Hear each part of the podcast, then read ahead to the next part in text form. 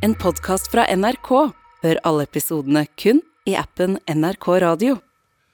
Altså, Nå er det straks påske. Vi har ikke et eneste spørsmål knytta til påska i sendinga i dag, men uh, derfor tenkte jeg at jeg skal benytte sjansen nå, folkens. Leser dere uh, påskekrim i påska, eller? Anjo? Det hender, men uh Men det blir mest Facebook-innlegg, altså. Ok, Heming?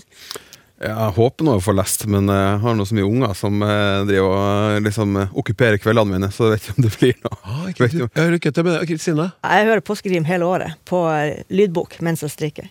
Akkurat. Jeg skal prøve. Jeg skal prøve å få lest litt krim. Da begynner vi.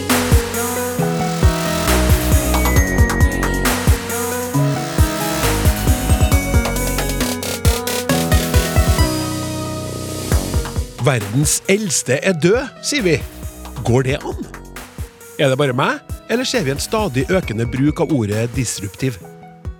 Fins det en god norsk oversettelse for eh, staycation? Og heter det chili eller chili?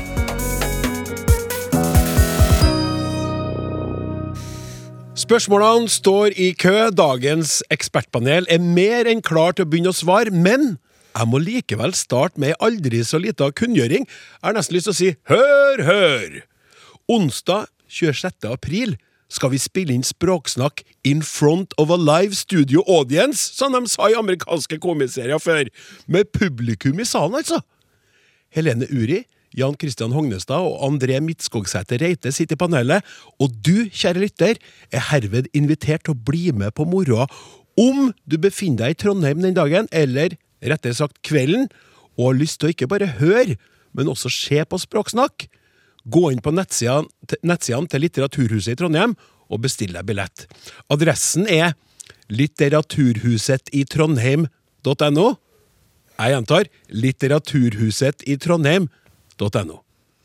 Da er det på tide å vende oppmerksomheten mot eh, dagens eh, språkforskertrio, som består av eh, Anjo Greenhall fra Institutt for språk og litteratur på NTNU. Velkommen. Tusen takk. Som jeg har sagt før, engelsk språk er ditt hovedfokus i daglig virke, Anjo. Men eh, når du skal uttrykke deg musikalsk, så er det like gjerne nynorsk som gjelder. Hør på det her.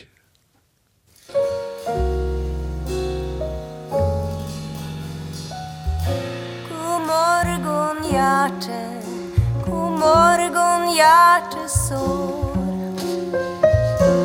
Og jeg som trodde at vi sa farvel i går. Jeg lå Wow. Ja. der, der, der var jeg. Ja, der var du, vet du. Ja, Så artig. Ja. Ja. ja. Det derre der, det er fra en CD med oversatte sanger som Billie Holiday i sin tid gjorde berømt.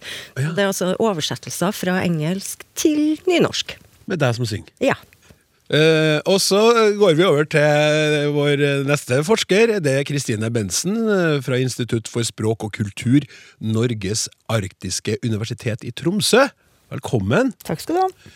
Du, um, Kristine, du har jo vært eh, flere ganger i media, og eh, for en stund siden så var det knytta til en sak som handler om at barnehagebarn nå snakker engelsk så det ljomer etter. Mm, yeah.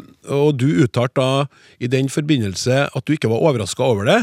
eh, for du sa barn blir bombardert med engelsk språk rundt seg hele tida. Ikke sant? Fra TV og nett og digitale plattformer. Spørsmålet mitt i dag skjønner du, det, det er hva tenker du om fremtidas norsk? Blir det Norwegian? Nei da, norsk kommer til å gå fint med. Jeg er ikke bekymra for det. Man kan jo snakke flere språk. Ja. Det betyr jo bare at de barna her både har norsk og engelsk. Det er jo kjempefint. Flerspråklighet, Ja, ja, ja. som du er ofte opptatt av. Det liker vi. Du og familien din? Ja. Nei, men Godt å høre. Godt å høre. Og så den eneste hanen i denne forskerkurven. Heming Strømholt Bremnes. eh, Institutt for språk og litteratur, NTNU. I forrige episode Hemming, snakka vi om mannsnavnet Hårek, som trygt kan eh, kalles sjeldent, men ditt navn er ikke noe mye dårligere i så måte. 62 menn har Heming som sitt første fornavn. 56 menn har Heming som sitt eneste fornavn. Et veldig fint, men spesielt navn. Vet du hvorfor du Hvorfor heter det? Ja, Ja, jeg tror det var det, Onkelen min er en av dem som har det som ikke er eneste fornavn. Og han, eh, han, han, hadde, han brukte det ikke, så da ville hun, eh, mamma begynne å bruke det. For at hun syntes det var fint. Ja. Men jeg ikke hvor, men jeg klarer ikke å spore det lenger tilbake enn det, nei. Men, Nei, så det er ikke noe sånn noen, noe heminger langt tilbake i familien? ikke? Sånn. ikke det jeg vet. Nei. Du bare vet at du er, at du er sjelden. Ja, ja. Men hjertelig velkommen skal du òg være. Takk for det. Er dere klar? Ja, Da vi er kjører klar. vi på. Språksnakk med Klaus Sonstad. Ja, Vi får inn spørsmål til snakk.krøllalfa.nrk.no krøllalf nrk.no eller som SMS til 1987 med kodeord 'snakk'. Det her som jeg skal lese opp nå, er en e-post. Fikk tips om dere fra en kollega. Jeg kommer stadig over ordet staycation. Og det er jo helt genialt i klimasammenheng hvis folk kunne feriere mer der de, der de bor. Har dere noe forslag på et norsk ord? Hjemmeferie blir liksom ikke helt det samme. Med vennlig hilsen Lars Verke, klimarådgiver i Kristiansand kommune. Så hyggelig at vi blir spurt om det, Anjo. Staycation. Ja, kjempehyggelig. Det her, er jo, det her er jo min form for ferie. Jeg skal jo på en sånn i sommer. Skal du det? ja? Ja, jeg skal det. Jeg var på en sånn i fjor sommer også. Um, staycation, det er jo innlånt og ganske så etablert i norsk nå, ikke sant? Det, vi, vi bruker det istedenfor Eller i tillegg til hjemmeferie, som også har blitt eh, det etablerte si, avløserordet for staycation. Ja. Og så, og så er det da det her at Staycation er liksom et ord som, som vi assosierer med noe litt mer fancy. Litt mer eh, kult, kanskje, til og med, kan vi driste oss til å si. En hjemmeferie som høres litt mer sånn traust og litt kjedelig ut, kanskje. Ja. Eh, sånn at eh, Skulle vi liksom ha oversatt staycation med noe annet, noe litt kulere? Men, men før vi, vi drister oss til med noen oversettelser av staycation, da, så kanskje kan vi si litt om hvorfor er det engelske ordet kulere enn det norske? Altså, de betyr jo de samme tingene på det denotative nivået, eller det nivået hvor liksom et ord refererer til et fenomen. Det betyr jo akkurat det samme, men så har vi det herre liksom semantiske overtonene, da, de herre konnotasjonene, eller de felles assosiasjonene som vi får ved enkelte ord og uttrykk. Og, og da er det jo slik at eh, engelske ord har en tendens til å konnotere litt kulere ting for oss enn enn de tilsvarende norske ordene. Du har for Trist, men sant. Hæ? Det er trist, men Det er sant. trist, men sant. Altså, du har, du har skateboard versus rullebrett. Hva er kulest? Du har uh, account manager versus uh, um, leder. Ikke sant? Økonomisk leder. Em, så det Nå får da Åse Vetås på nakken snart. ja, jeg vet det. Men, jeg vet det. Men, men altså, det, er ikke, det er ikke noe som jeg nødvendigvis mener, at de her, at de her engelske ordene er kulere. Men, men vi har en tendens til å oppfatte det sånn. Da. Altså, det er en, en, en slags oppfatning som har festa seg i vår kultur, at, at er det på engelsk, så er det kult. Da, da har vi altså det her hjemmeferie som, som ikke oppleves som så som kult nok. Hva skal vi kalle det, Hemming? Du hadde et forslag her når vi prata før sendinga. Ja, altså jeg tenkte jo eh, umiddelbart For det som, det som gjør staycation kult, er jo på en måte at det er et sånn der, det man ofte kaller teleskopord eller Ja. ellipser, eller sånn der at du setter sammen den første delen av ett ord med eh, den siste delen av et annet, på en måte.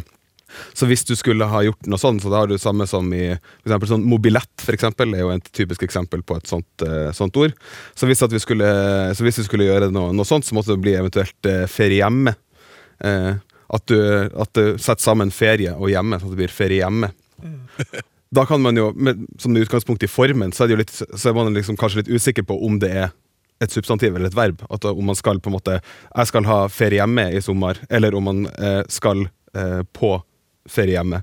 Eh, du skal på feriehjemmet. ja, det kan jo òg være. Men, du har, men hvis, jeg syns også det minner litt om feriere også. Så jeg skal ferie hjemme i sommer. Eh, sånn at du bruker det som et verb i stedet. Det kan jo også være en, eh, en mulighet. Jeg syns kanskje det nesten er litt bedre. Ja, vi kan jo foreslå så mye vi vil, men om det vil bli eh, på en måte tatt opp i det norske språket, da, det er jo det bare de norske eh, språkbrukerne som kan avgjøre. Jeg tenker litt på vær her-ferie.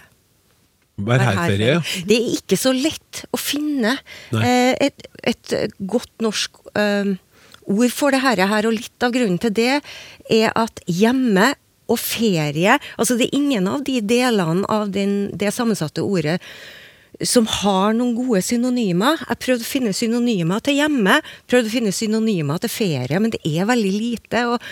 Men er, er det sånn at eh, staycation, altså, eh, er det sånn at da det prinsipp, eller opplegget at du er hjem? Ikke sant? Eller kan man, Ja, og- kan man, et, kan man forflytte seg til et annet hjem?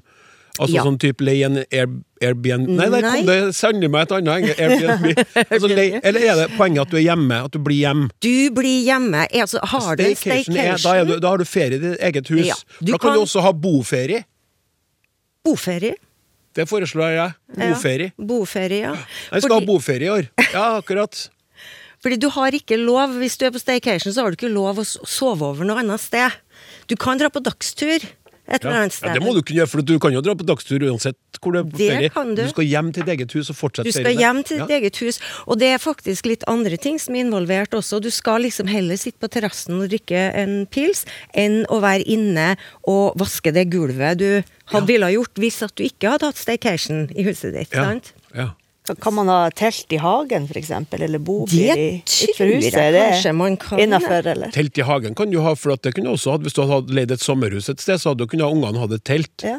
Så alt som du gjør på ferie, bare at du holder deg At du ferierer i huset ditt. Nettopp, ikke sant? Ikke driv med, med oppvasken for mye. Du setter inn Eller at du driver, og begynner å ta klærne og begynner å vaske gulv, og begynne å gjøre sånn forfall, og begynne å male den veggen du skulle ha malt så lenge. Du skal ikke gjøre Du skal være på ferie i ditt eget hjem. Ikke sant? Og i din egen by, da, hvis du bor i en by, eller i dine egne omgivelser hvis du bor på landet. Så Ja. Du kan gå tur i naturen, du kan gå på museer, du kan gå i parkene eh, som er i byen du bor i, osv. Eh, Mm. benytte deg av de mulighetene som er i nærområdet. Da.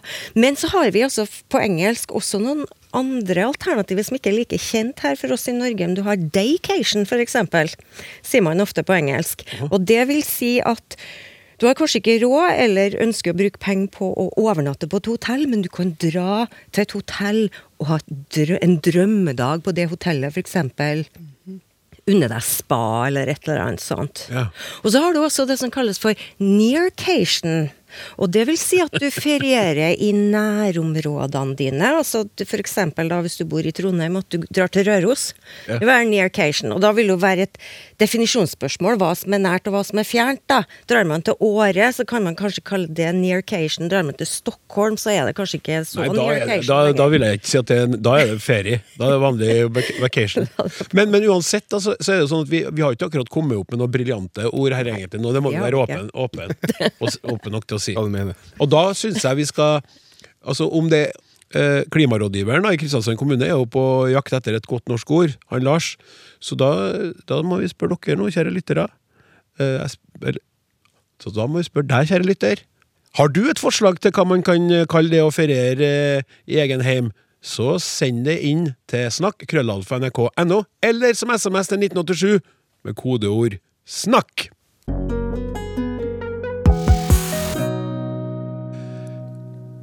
Hei, dere i Språksnakk! Dere pleier å oppklare de aller fleste språklige dilemmaer som forelegges dere. Derfor håper jeg dere også kan hjelpe med å oppklare noe jeg lurer på, om to vanlige pattedyr, nemlig hund og kanin. Vil si hund og katt, men det er hund og kanin. Hunder kalles jo på engelsk eh, canine, og vi har kanskje også et latinsk basert fremmedord på norsk som bygger på dette. Men en kanin, som høres ut som en norsk oversettelse, av av canine, er jo tross alt noe helt annet. En liten gnager som vel kan være hyggelig som hus kjæledyr, men noen turkompis er det absolutt ikke. Så blir forvirringen enda mer komplett når kanin på engelsk heter rabbit, som er rimelig likt adverbet rabid, som vel er det man kaller en hund som har fått rabies, som også kalles hundegalskap og ikke kaningalskap, selv om dette kunne være en passende betegnelse på den lille, søte dvergkaninen som vi hadde for mange år siden, da det kom en dam damekanin på besøk. Så hva er tingen med disse tilsynelatende forvirrende kryssbetegnelsene mellom hund og kanin? Hjertelig hilsen Bjørn! Det var jo litt artig i den sammenhengen. Det er det, da. Men eh, ja, Kristine. Det er jo eh, Ja, det er mye, mye å ta tak i her. Vi, vi skal ta det litt sånn eh, systematisk, tror jeg. Hvis vi starter med det her med canine, så er jo canine det kommer fra det latinske ordet canina. Og det er liksom artsnavnet eh, for, for ulike hundetyper. altså Inkludert i det som er villhunder og sjakaler og ulver, og også det som da er tamhunder, som kalles for canis familiaris. Eh, så, det, så canine det handler om de her hundedyrene. Eh, og som en liten eh, eh, sidekommentar, så er canis betyr også hjørnetann. Det er det latinske ordet for hjørnetann, og det kommer fra ordet for hundeslekta. Og alle hunder har jo store, skarpe hjørnetenner som de bruker til, eh, til å spise. Så det, det er kobla der.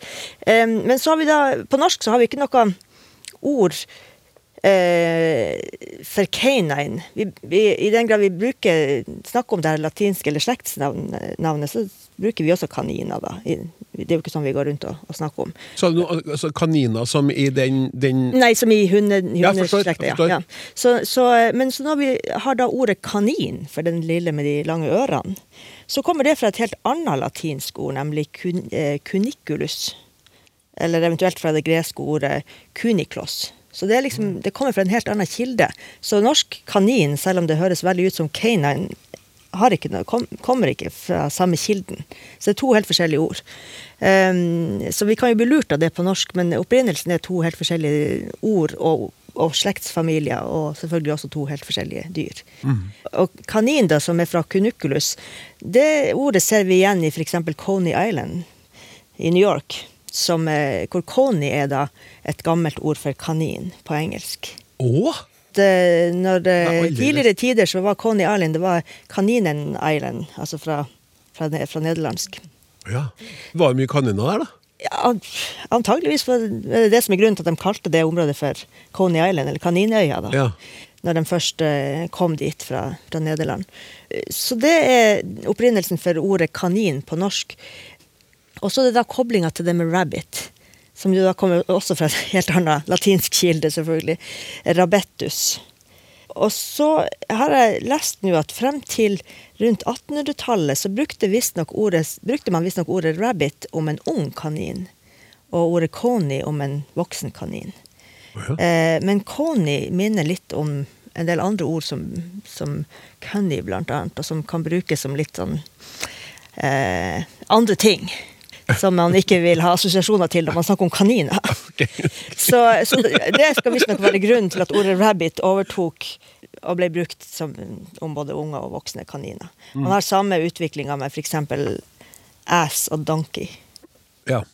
Som, man bruker jo ikke ass det er asen som man har på norsk. ikke sant? Mm. man bruker bare donkey om, for det så slipper man å tenke på, Den er god. på bakdelene. Ja. Eh, og så koblinga til eh, rabid, da, eller rabid, altså, som betyr gal. Der er det heller ingen kobling. Det rabid er ikke kobla til verken rabbit eller kanin eller canine eller noe som helst her. Det kommer fra det latinske ordet rabies, som betyr raseri eller sinne. Ja, rabies, ja. Ja, Ja, så der, ja. Og, og rabies det er jo da rett og slett et virus som kan gi en, en, en sykdom som er en form for hjernehinnebetennelse. Veldig, veldig farlig sykdom, ikke sant. Eh, altså hvis, du, hvis man får det, så eh, dør man to uker, innen to uker etter man har fått symptomer. Så det er jo mye vanligere hos dyr enn hos mennesker, det her. Det siste tilfellet vi vet om i Norge, det var i 2019. Eh, og da var, 2019? Ja, men det var noen som hadde fått smitte utenlands. Ja, okay, ja. Siste innlandssmitte i Norge var rett og slett i 1815. Så vi trenger ikke å gå rundt og være redd for det. Nei. Men blir man jo bitt av en hund i, på ferie, så kan det jo være greit å komme seg til lege og få en vaksine. Eller en kanin. Ja, eller en Eller en kanin, ja da. Kaniner kan Nei, nok det var en må få søte lille Au! Au! Au! Og så plutselig bare «Åh!» ja. Kaningalskap og hundegalskap, det vil vi ikke ha, Nei, det vil vi ikke ha. noe av. Det vil vi ikke Men ha. det er ingen, det er ingen, det er ingen sammenheng. Nei. Nei, nei, men Bjørn, altså nei, men likevel. Artig, artig. Du skal ha for forsøket. Ja da, det er ikke så rart at man tenker på de koblingene her.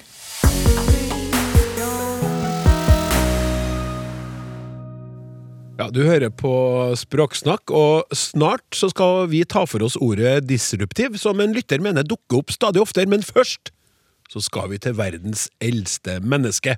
Hei der! Flere medier skriver i dag at verdens eldste er død. Noe som er en gjenganger i ulike medier titt og ofte. For meg er denne tittelen en umulighet, fordi hvis vedkommende er død, kan vel han eller hun ikke være verdens eldste? Beste hilsen Terje Grøsset, Oppdal.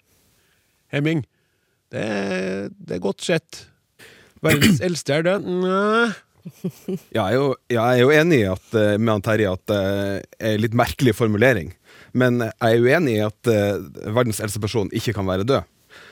Uh, og at den setninga her ikke går an å si. For at uh, denne setninga har jo faktisk vært sann siden 1997. Eh, for det var da hun Jean-Louise Clamat døde. Og ifølge Wikipedia er det hun som er eh, verdens lengstlevende person gjennom tidene, så vidt man vet. da. Men det han eh, Terje reagerer på, er jo at det her har ikke spesielt stor nyhetsverdi. At eh, noen døde i 1997 har ikke noe så mye å si liksom, i år. Så det jeg antar at han refererer til her, da, er den eh, saken om hun Lucille Randon, som døde i januar i år, eh, og som inntil januar i år var verdens nålevende, eh, eldste nålevende person. Og det er jo selvfølgelig ikke lenger. Det er nemlig hun eh, Maria Branjas Morera som nå innehar den tittelen. Eh, og derfor så framstår denne setninga som usann. Fordi det er liksom et implisert nålevende eh, som gjør at setninga framstår som umulig. For altså, nålevende og død er vel ganske gjensidig ut utelukkende, sånn sett, da. Det her har med det vi kaller for indeksikalske uttrykk å gjøre. Eh, og dem har vi mange av i språket vårt. Så det er f.eks. sånn som pronomen og sånne ting. Så det er veldig stor forskjell på om jeg sier 'du, Klaus', eh, og jeg sier 'du' til sønnen min, f.eks. Hvis jeg sier liksom 'du er sulten, Klaus', eller 'du er sulten, eh, Olav', så er det liksom Det betyr to forskjellige ting, da. Eh, adjektiv er også sånne indeksikalske uttrykk. Eh, for de har jo en sånn tilhørende skala, eller noe sånt, eh, som man gjerne måler i grader. Man kan snakke jo også om gradbøying av, eh, av adjektiv. Og jeg, den gradsverdien et gitt adjektiv har, eh, er liksom avhengig av den sammenhengen det ytrer seg. Så jeg kan f.eks. si at Tyholttårnet, eh, som er 120 meter, det er høyt. Eh, men hvis at sammenligningsgrunnlaget er liksom skyskraperne i Chicago, så er ikke den setninga sann lenger. på en måte. Så det handler liksom om hva er, hva er sammenligningsgrunnlaget. da. Så Derfor så kan ei setning som 'verdens eldste menneske er død' være både sann og usann samtidig, avhengig av om man tolker den tolker verdens eldste relativt til liksom, nåværende tidspunkt, som det jo er naturlig å gjøre i en nyhetssak, eller om det er relativt til liksom, menneskehetens historie, da, eh, som vil være den andre lesninga. Ja. Eh, Så, så kan du ta hun, første, hun første du sa som var verdens eldste eldste menneske. Hva heter hun? Hun som, Eh, som, sånn Louise Calma. ja, hvor gammel ble hun, da? Fikk du med Eh, det? hun ble først okay, ja, men uansett, så det- det- det er det eldste- 122 122 år og noe, noen måneder. Ja, så det er 60 det mennesket vi vet om i, i sånn litt mer moderne tid. Som det, hun er den eldste Ja, som har levd. Mens alle andre verdens eldste som driver og dør, de er eldst per nå. ja. Men hun her, Lucilla Don hun var nummer fire da, Ja, akkurat. gjennom tidene. Ja. Eh, og det, var, det som var litt uheldig for henne, da, var jo at eh, hun som da levde Som var liksom verdens le le lengstlevende før hun eh, igjen, hun var nummer to. Sånn at det var liksom, hun fikk en ganske kort, kort tid på trona. Ok, ja. Skjønner.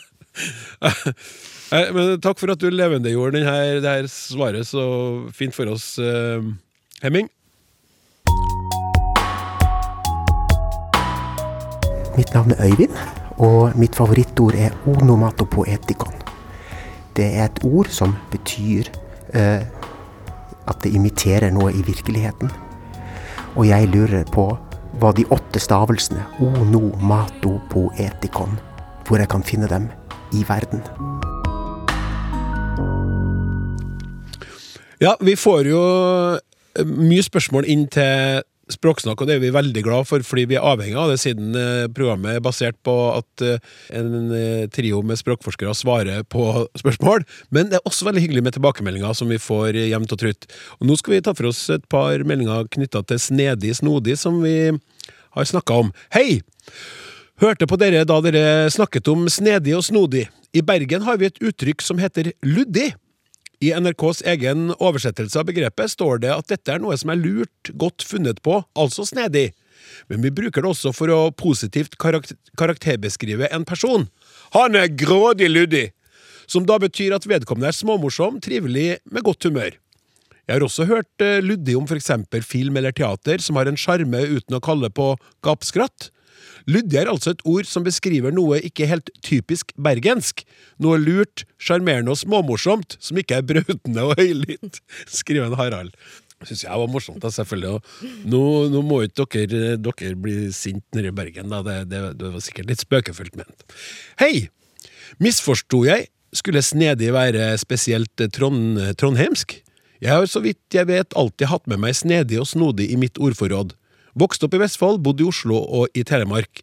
Heldigvis har jeg to ord ordbøker over Vestfoldmål. Den ene over målet på Nøtterøy, den andre Andebu. Begge fra rundt 1900. I disse samlingene finner jeg både snedig og snodig.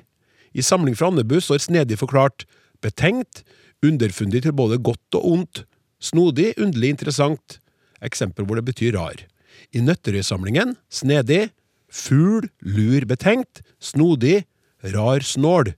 Og det er jo litt annerledes enn den eh, trønderske betydninga av snedig som vi diskuterte, der vi syns noe er sånn positivt. 'Å, det var snedig, det var en snedig løsning, du verden, den skal jeg ta med meg hjem. I dansk er rar positivt, i noen dialekter er snål positivt. Variasjon i adjektivsbetydning og bruk er jo helt vanlig både over tid og geografisk. Hilse Torunn Berntsen. Godt eh, skrevet, begge to, og takk skal dere ha.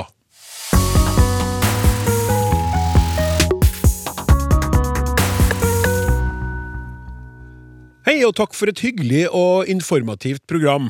Eller podkast, om du vil. Ja, det er jo viktig å få fram. Du kan høre Språksnakk som podkast, og hvis du laster ned appen NRK Radio, og ikke minst hvis du logger deg inn der, så vil du da få varsler om når vi har nye episoder, og du kan også ja, sjekke ut det hvis du ikke allerede har gjort det.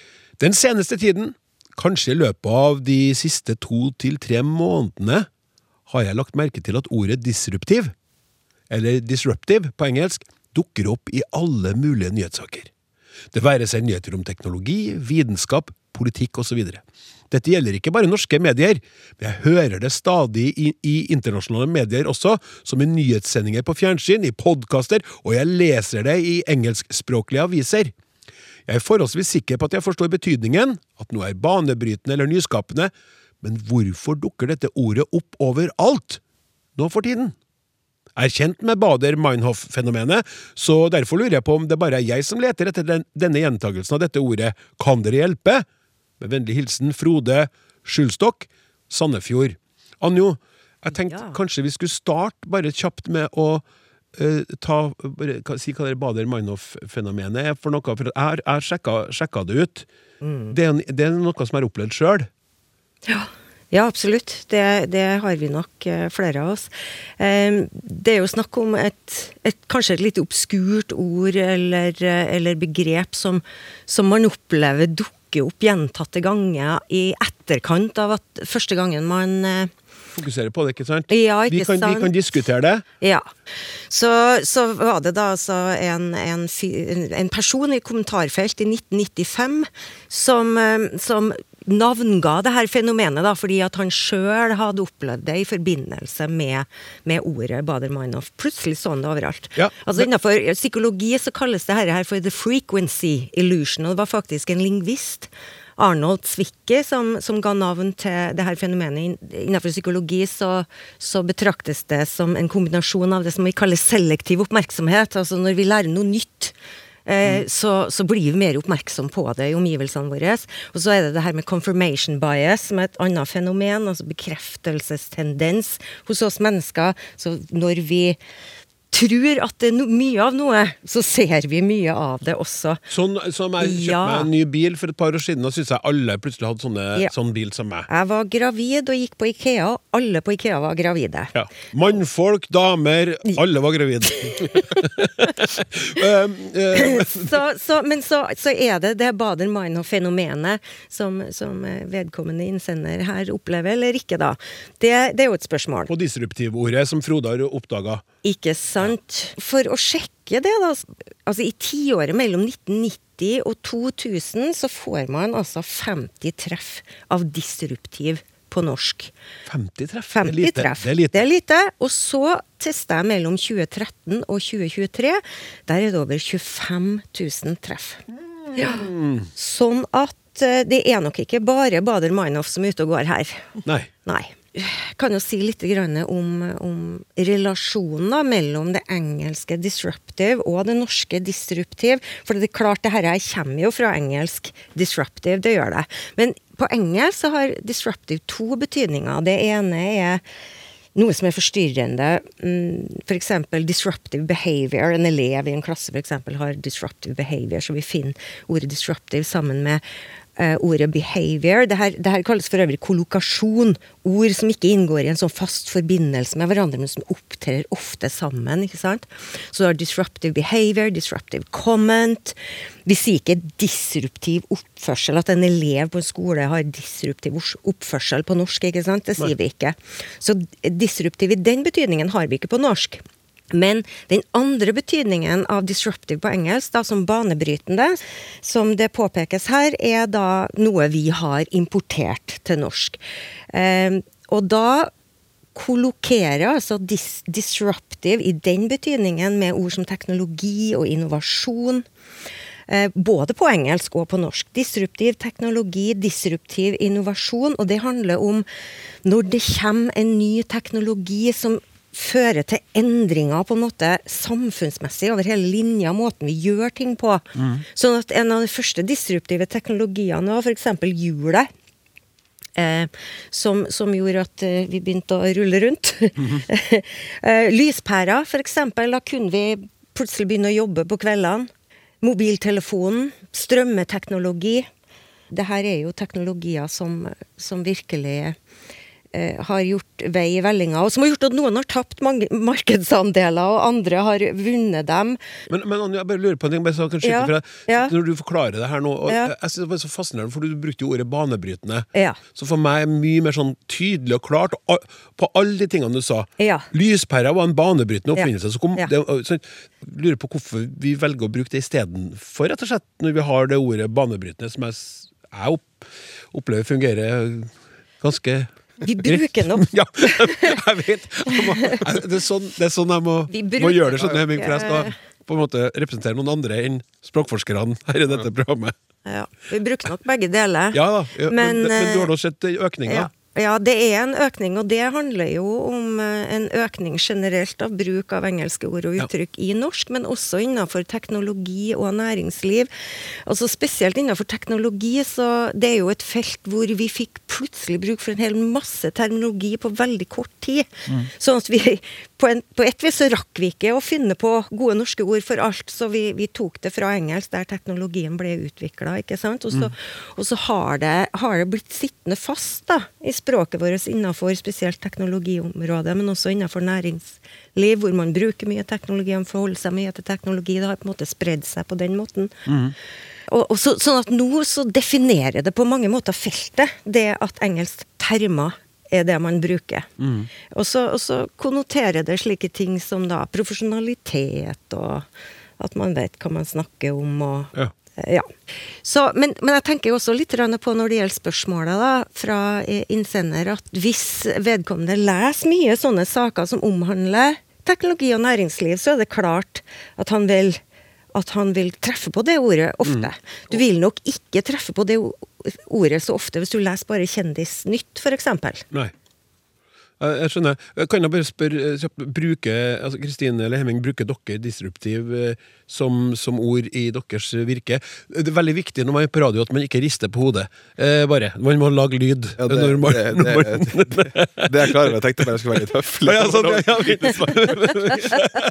Damene først. Nei, jeg bruker ikke ordet disruptiv. eh, Nei? Det kan jeg ikke huske at jeg har brukt noe. Jeg mener, jeg skjønner, hva det betyr, og alt sånt, men, det, men eh, kanskje jeg ikke snakker om så mye banebrytende ting. Nei, men, altså- nei, men også, eller, eller kanskje da Hvis du skulle ha brukt noe, så hadde du brukt banebrytende? Ja, kanskje. Men jeg tenker det er kanskje litt forskjell på banebrytende og disruptiv. Og at disruptiv føles som det er noe som skjer mer sånn plutselig. Ja. Mens banebrytende er kanskje når man har jobba frem en stund, og så føler det til endring. Mens disruptiv, det, det er som om det liksom blir et skille mellom at, at nå skjer det noe som er så Som slår opp ned på alt. Mens banebrytende kan liksom være noe som skjer uten at det får den store endringa. Sånn at uh, kanskje mer av de tingene jeg snakker om, er mer banebrytende ting enn disruptive ting. Ja. Bare, bare kjapt, bare spør han bare, Bruker du det, du? du var det, Nei. Nei, nettopp. Bruker ikke det. Nei, jeg tror også det handler om at eh, banebrytende er jo et utelukkende positivt ord. Mens disruptiv har noen negative konnotasjoner fra betydningen av disruptive som forstyrrende. Altså noe negativt. Fordi at når du, det snakkes om disruptiv teknologi, så er jo det banebrytende positivt for noen. De som står i bresjen for den teknologien og som vil tjene penger på den. Men det er jo forstyrrende og ødeleggende for de som tjent penger på den teknologien man hadde tidligere. Ja, men bra. Eh, tusen takk skal du ha. Jeg håper, Frode, håper og tror Frode i Sandefjord blir fornøyd med det svaret.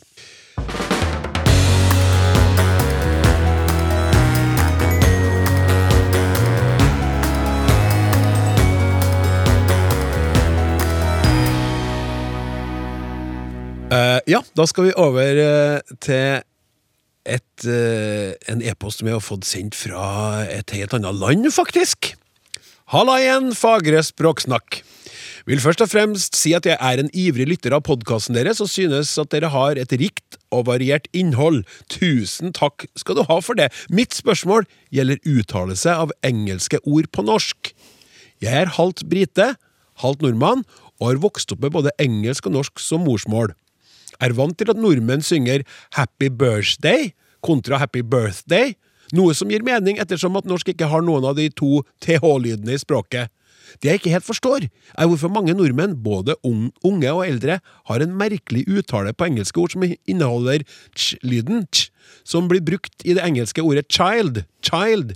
Istedenfor å si chille eller å spise chili, så sier mange nordmenn å skille eller å spise chili, med samme SJ-uttalelse som i sjokolade. Dette syns jeg er merkelig, ettersom at den engelske ch-lyden er en språklyd vi allerede har på norsk, som brukt i ordene tjern, tjeneste og Tsjernobyl. Takk for fin podkast! Sjalabais! Vennlig hilsen Emil, som for tiden studerer i den kymriske byen Aberystwyth. Det er i Wales, det. Ja. Er ikke det Jo, det er jo Wales. Jeg har også studert i en kymrisk by. Kymrisk by. eh, Bangor, lenger nord. eh, Har, har, du, har du vært der, Jeg har vært i Aberystwyth, ja. Og du, og det, det, det, Jeg har vært i Aberystwyth og studert i Bangor. Aberystwyth, both of you. Aberystwyth. Bare kort før vi går i gang med svaret. Er det en by verdt å besøke, eller? Eh, hvis Ja. Du skal, ja, fint der. Er en fin kystby. Ja, takk. Vær så god. Ja, men eh, til de der ch-lydene, ja.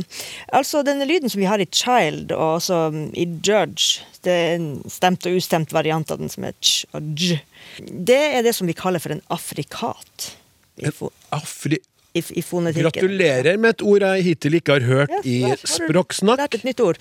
Afrikat. Ja, man har jo forskjellige typer lyder. Man har lukkelyder, som betyr at man lukker munnen, og så slipper man ut lyden som en t, eksempel, som en eksplosjon. Og så har man eh, frikativa, som er sånn så s, hvor lyden kommer sildrende ut. Og så har man afrikat, og det er en kombinasjon av en lukkelyd og en frikativ. Sånn ch, sånn som i child. Ja. Så man har t-en, og så har man ch-lyden. Ja. Så, så vi har både t og sj på norsk, men kombinasjonen tj er ikke så veldig vanlig. Den fins i en del norske dialekter, det gjør den. Men i, i mange dialekter så har vi ikke egentlig den tj, den afrikatlyden der. Eh, sånn at eh, de fleste som ikke har den ch-lyden i child, eller chili eller chili, eller ville da bruke sj istedenfor. Ja. Som det blir chili og, og, og chille istedenfor chille. Eh, men den fins, altså, den afrikaten der. Den fins på eh, Nordvestlandet og en del trøndere. Kanskje du har den? eh, Vet ikke. Som, I for eksempel kinn. Ordet kinn. Kinn, Sånn, kinn. I ansiktet. Kinn. Ja. Jeg sier kinn. Ja, nei, du, ja, du, Kinn, ja. Man kan si kinn, ikke sant. Det er noen dialekter hvor man Sier sier kinn. Nei, jeg sier ikke det. Men, Nei, nei, nei. men, men jeg, jeg, sier, det. ikke sier du det, men jeg sier sier du det, ja? Det er det du sier. ja, ja, ja. Jeg sier ikke det, Jeg men jeg- strøk på kinnet! Kinnet, kan det være der? Kinnet! Er noe sånt? Jeg gjetter deg nå. Jeg, jeg må roe meg litt ned. Jeg blir, jeg blir så ivrig nå. Slapp litt av. For Hvis man begynner sånn, sier de nei, nei, nei, nei, nei, Klaus. Men det er noen plasser man kan si kinn. Det er flere dialekter som kan si kinn og f.eks. brygge i stedet for brygge. Ja. Da får du den j. Brygge. j, ja. Brydja. Eh, sånn at de dialektene som har det, er sikkert flinkere til å uttale chille som chille Ja. enn skille. Så, men eh, når man da ikke har den, så, så blir det gjerne sj-lyden, som er den samme lyden som i sjokolade. Og så kommenterer jo han, eh, han Emil her at vi har jo, vi har jo den lyden i tjern og tjeneste. Og Tsjernobyl. hvis dere kunne høre hvordan jeg uttalte Ja. dem, så sier jeg jo tjern. Ja. Det er det samme som i kjole. Det er jo den lyden som Ja. kanskje holder på å forsvinne. Så enten sier man tjern med kj, eller så sier man kanskje tjern med tj. Eller tjern og tjeneste, i alle fall, sier man tj, tjeneste. Så i prinsipp så kunne man jo ende opp med å si chille. Ikke sant? Ja. Chili. Ja. Og det tror jeg mange islendinger gjør, for de har heller ikke lyden ch. Men de sier ofte sånn change og sånn. Ja. Men ja. Hvis, de ikke, altså, hvis de snakker med litt aksent. Sånn at um, eh, i de fleste norske dialekter så har vi faktisk ikke den lyden som han etterlyser, den ch. Rett og slett. Og da, da blir det som regel sj på norsk, men det kunne blitt tj, men det gjør det. Altså tj, som i tjern eller tjeneste. Ja. Men det gjør det ikke. Så det er svaret på det. ja.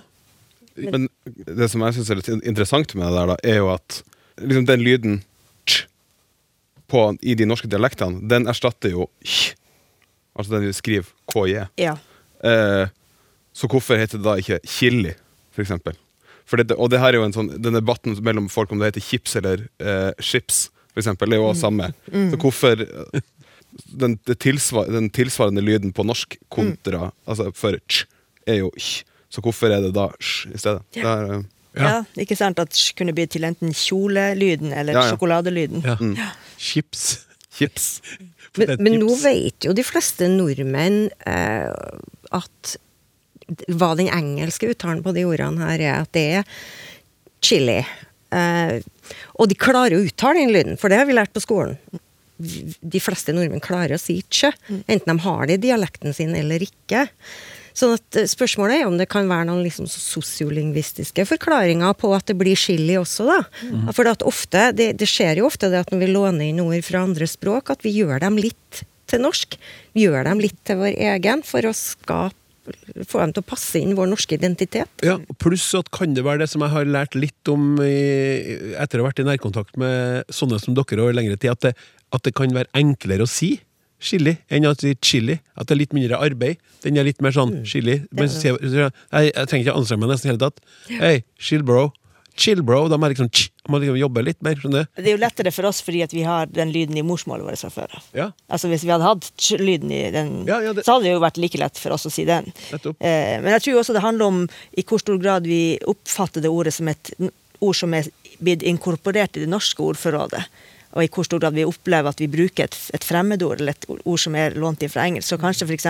chili.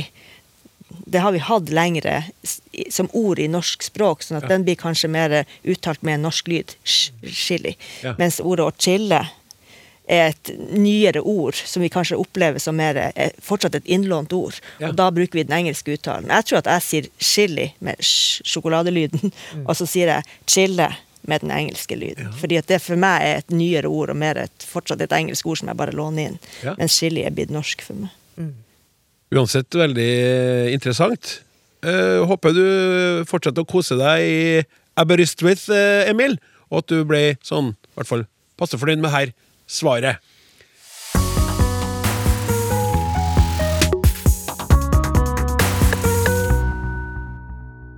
Nå skal vi over til chat, chat, eller chat. GPT. Jeg har tidligere sendt en eh, mail angående hvordan eh, språk skaper virkeligheten. Så kom jeg på en ting til. Det snakkes mye om kunstig intelligens, og også chat-GPT.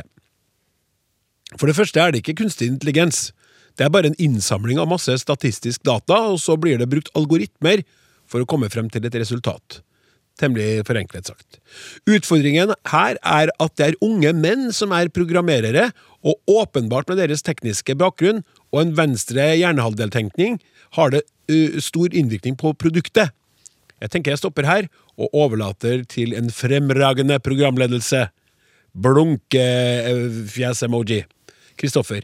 Da må jeg si med en gang, Kristoffer, hyggelig at du syns programledelsen er fremragende, men jeg har ikke tenkt å svare på det her spørsmålet, så jeg setter rett over til Hemming.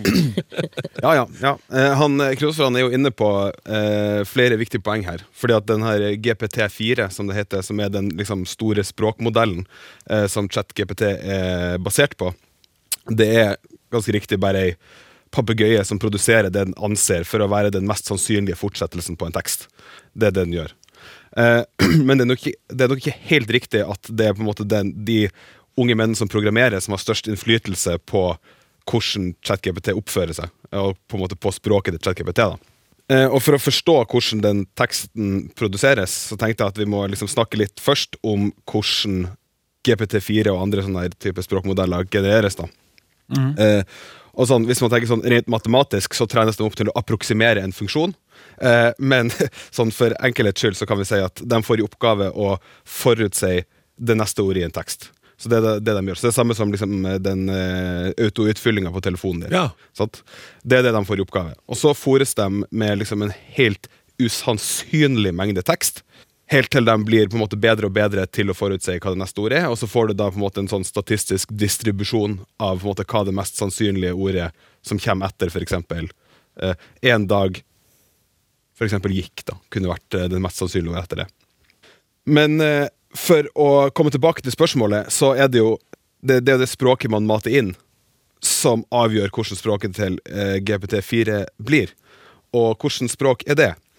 Og det vet vi egentlig ikke, fordi OpenAI, som er de som har laga eh, GPT4 og ChatGPT, de har ikke sagt eh, hvordan materiale de har brukt. Men sånn, det som det ryktes, da, og vi kan på en måte anta med ganske stor sannsynlighet, at de har brukt mesteparten av de tekstene som er åpent tilgjengelig på internett. Så det vil si da hele Wikipedia, store nettforum sånn som Reddit, akademiske arkiv som PubMed osv. Så, videre.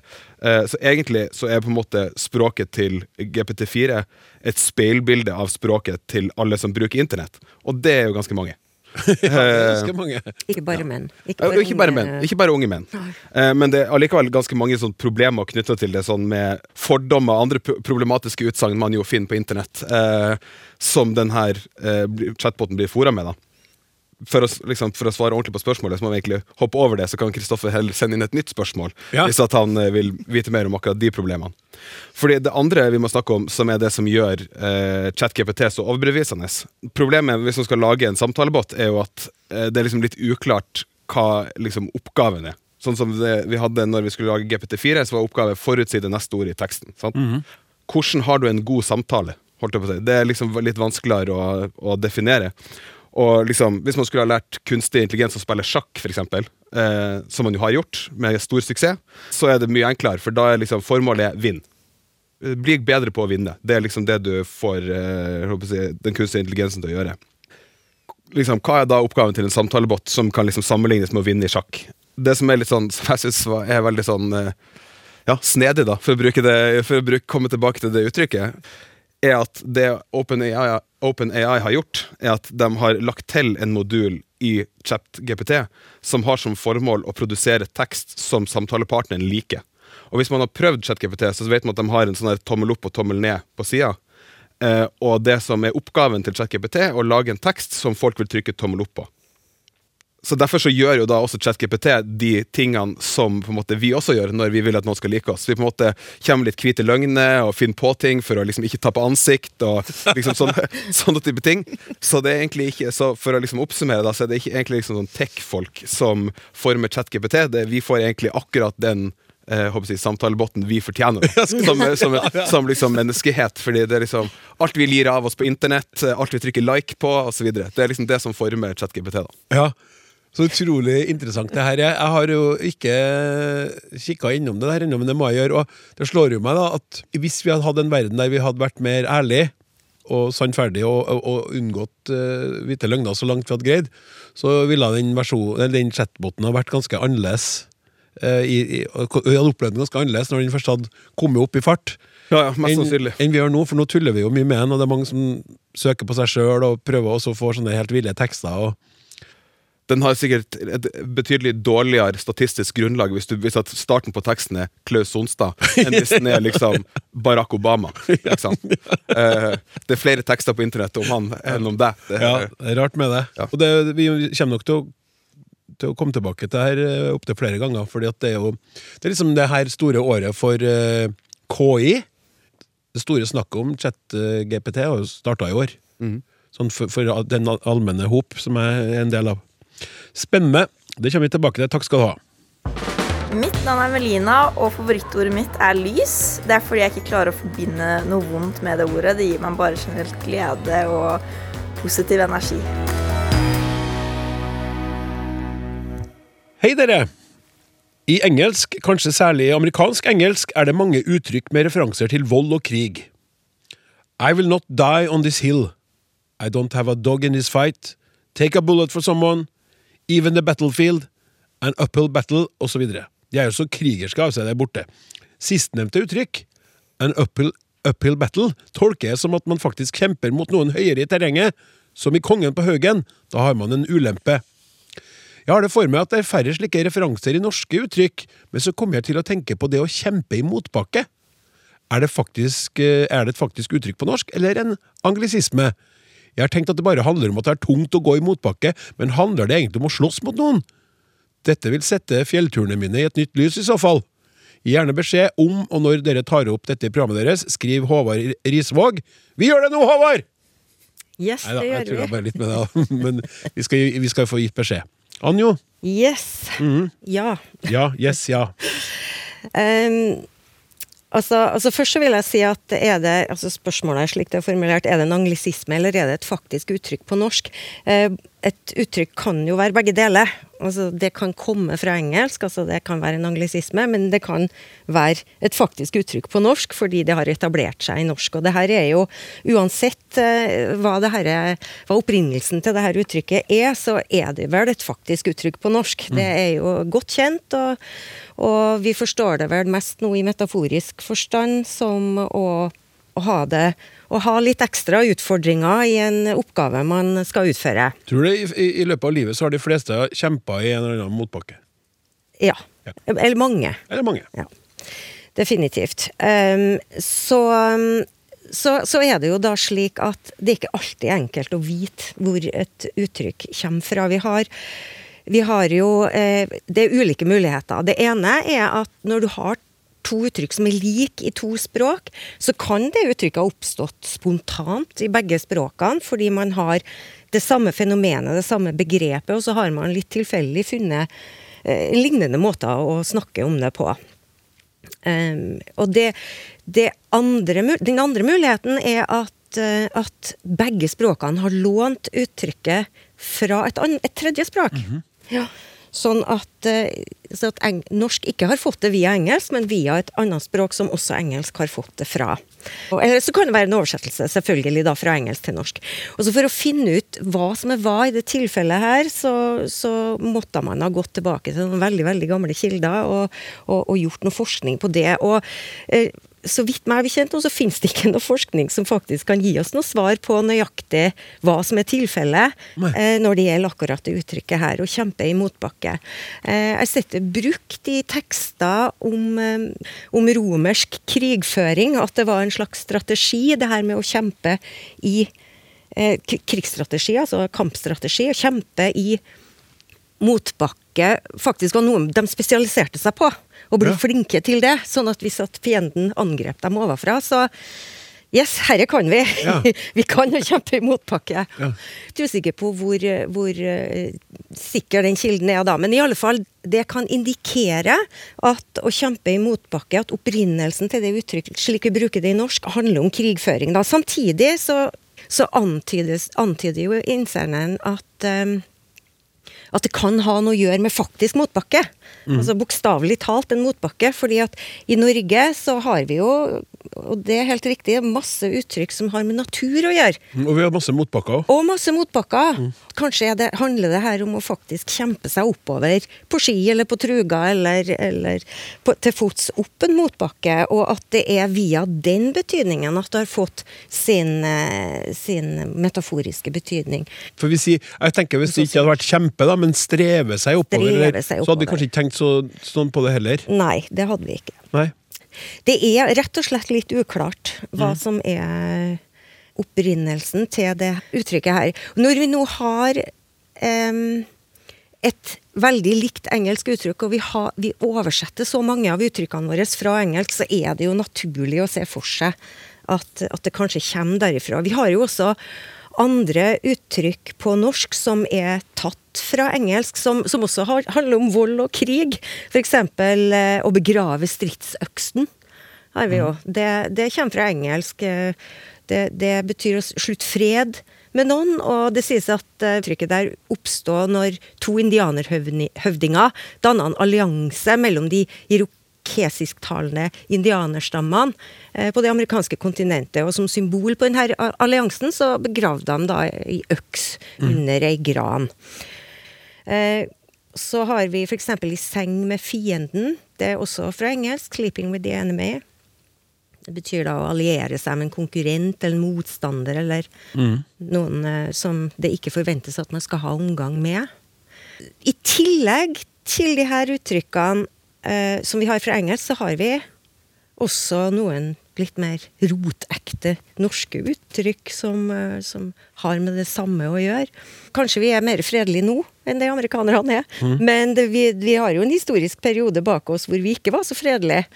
Eh, og det var den norrøne perioden. Så der, derifra så har vi da uttrykk som krig på kniven, eller kamp på kniven.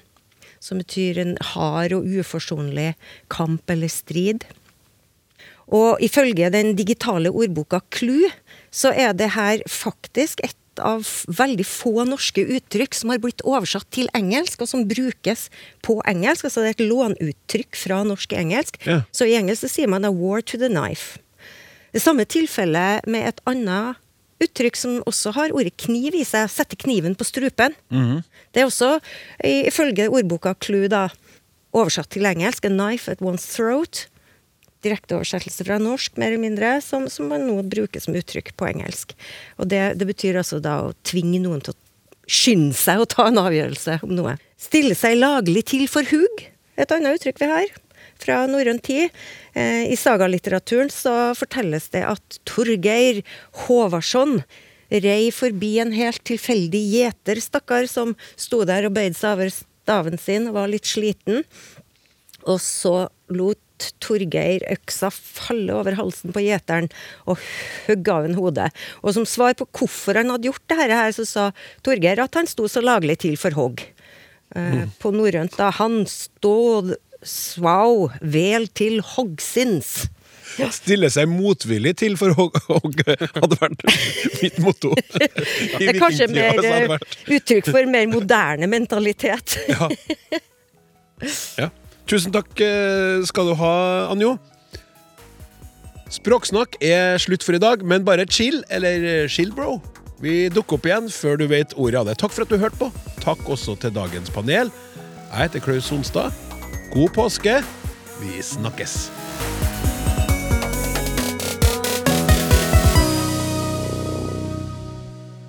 Du har hørt en podkast fra NRK. Hør alle episodene kun i appen NRK Radio.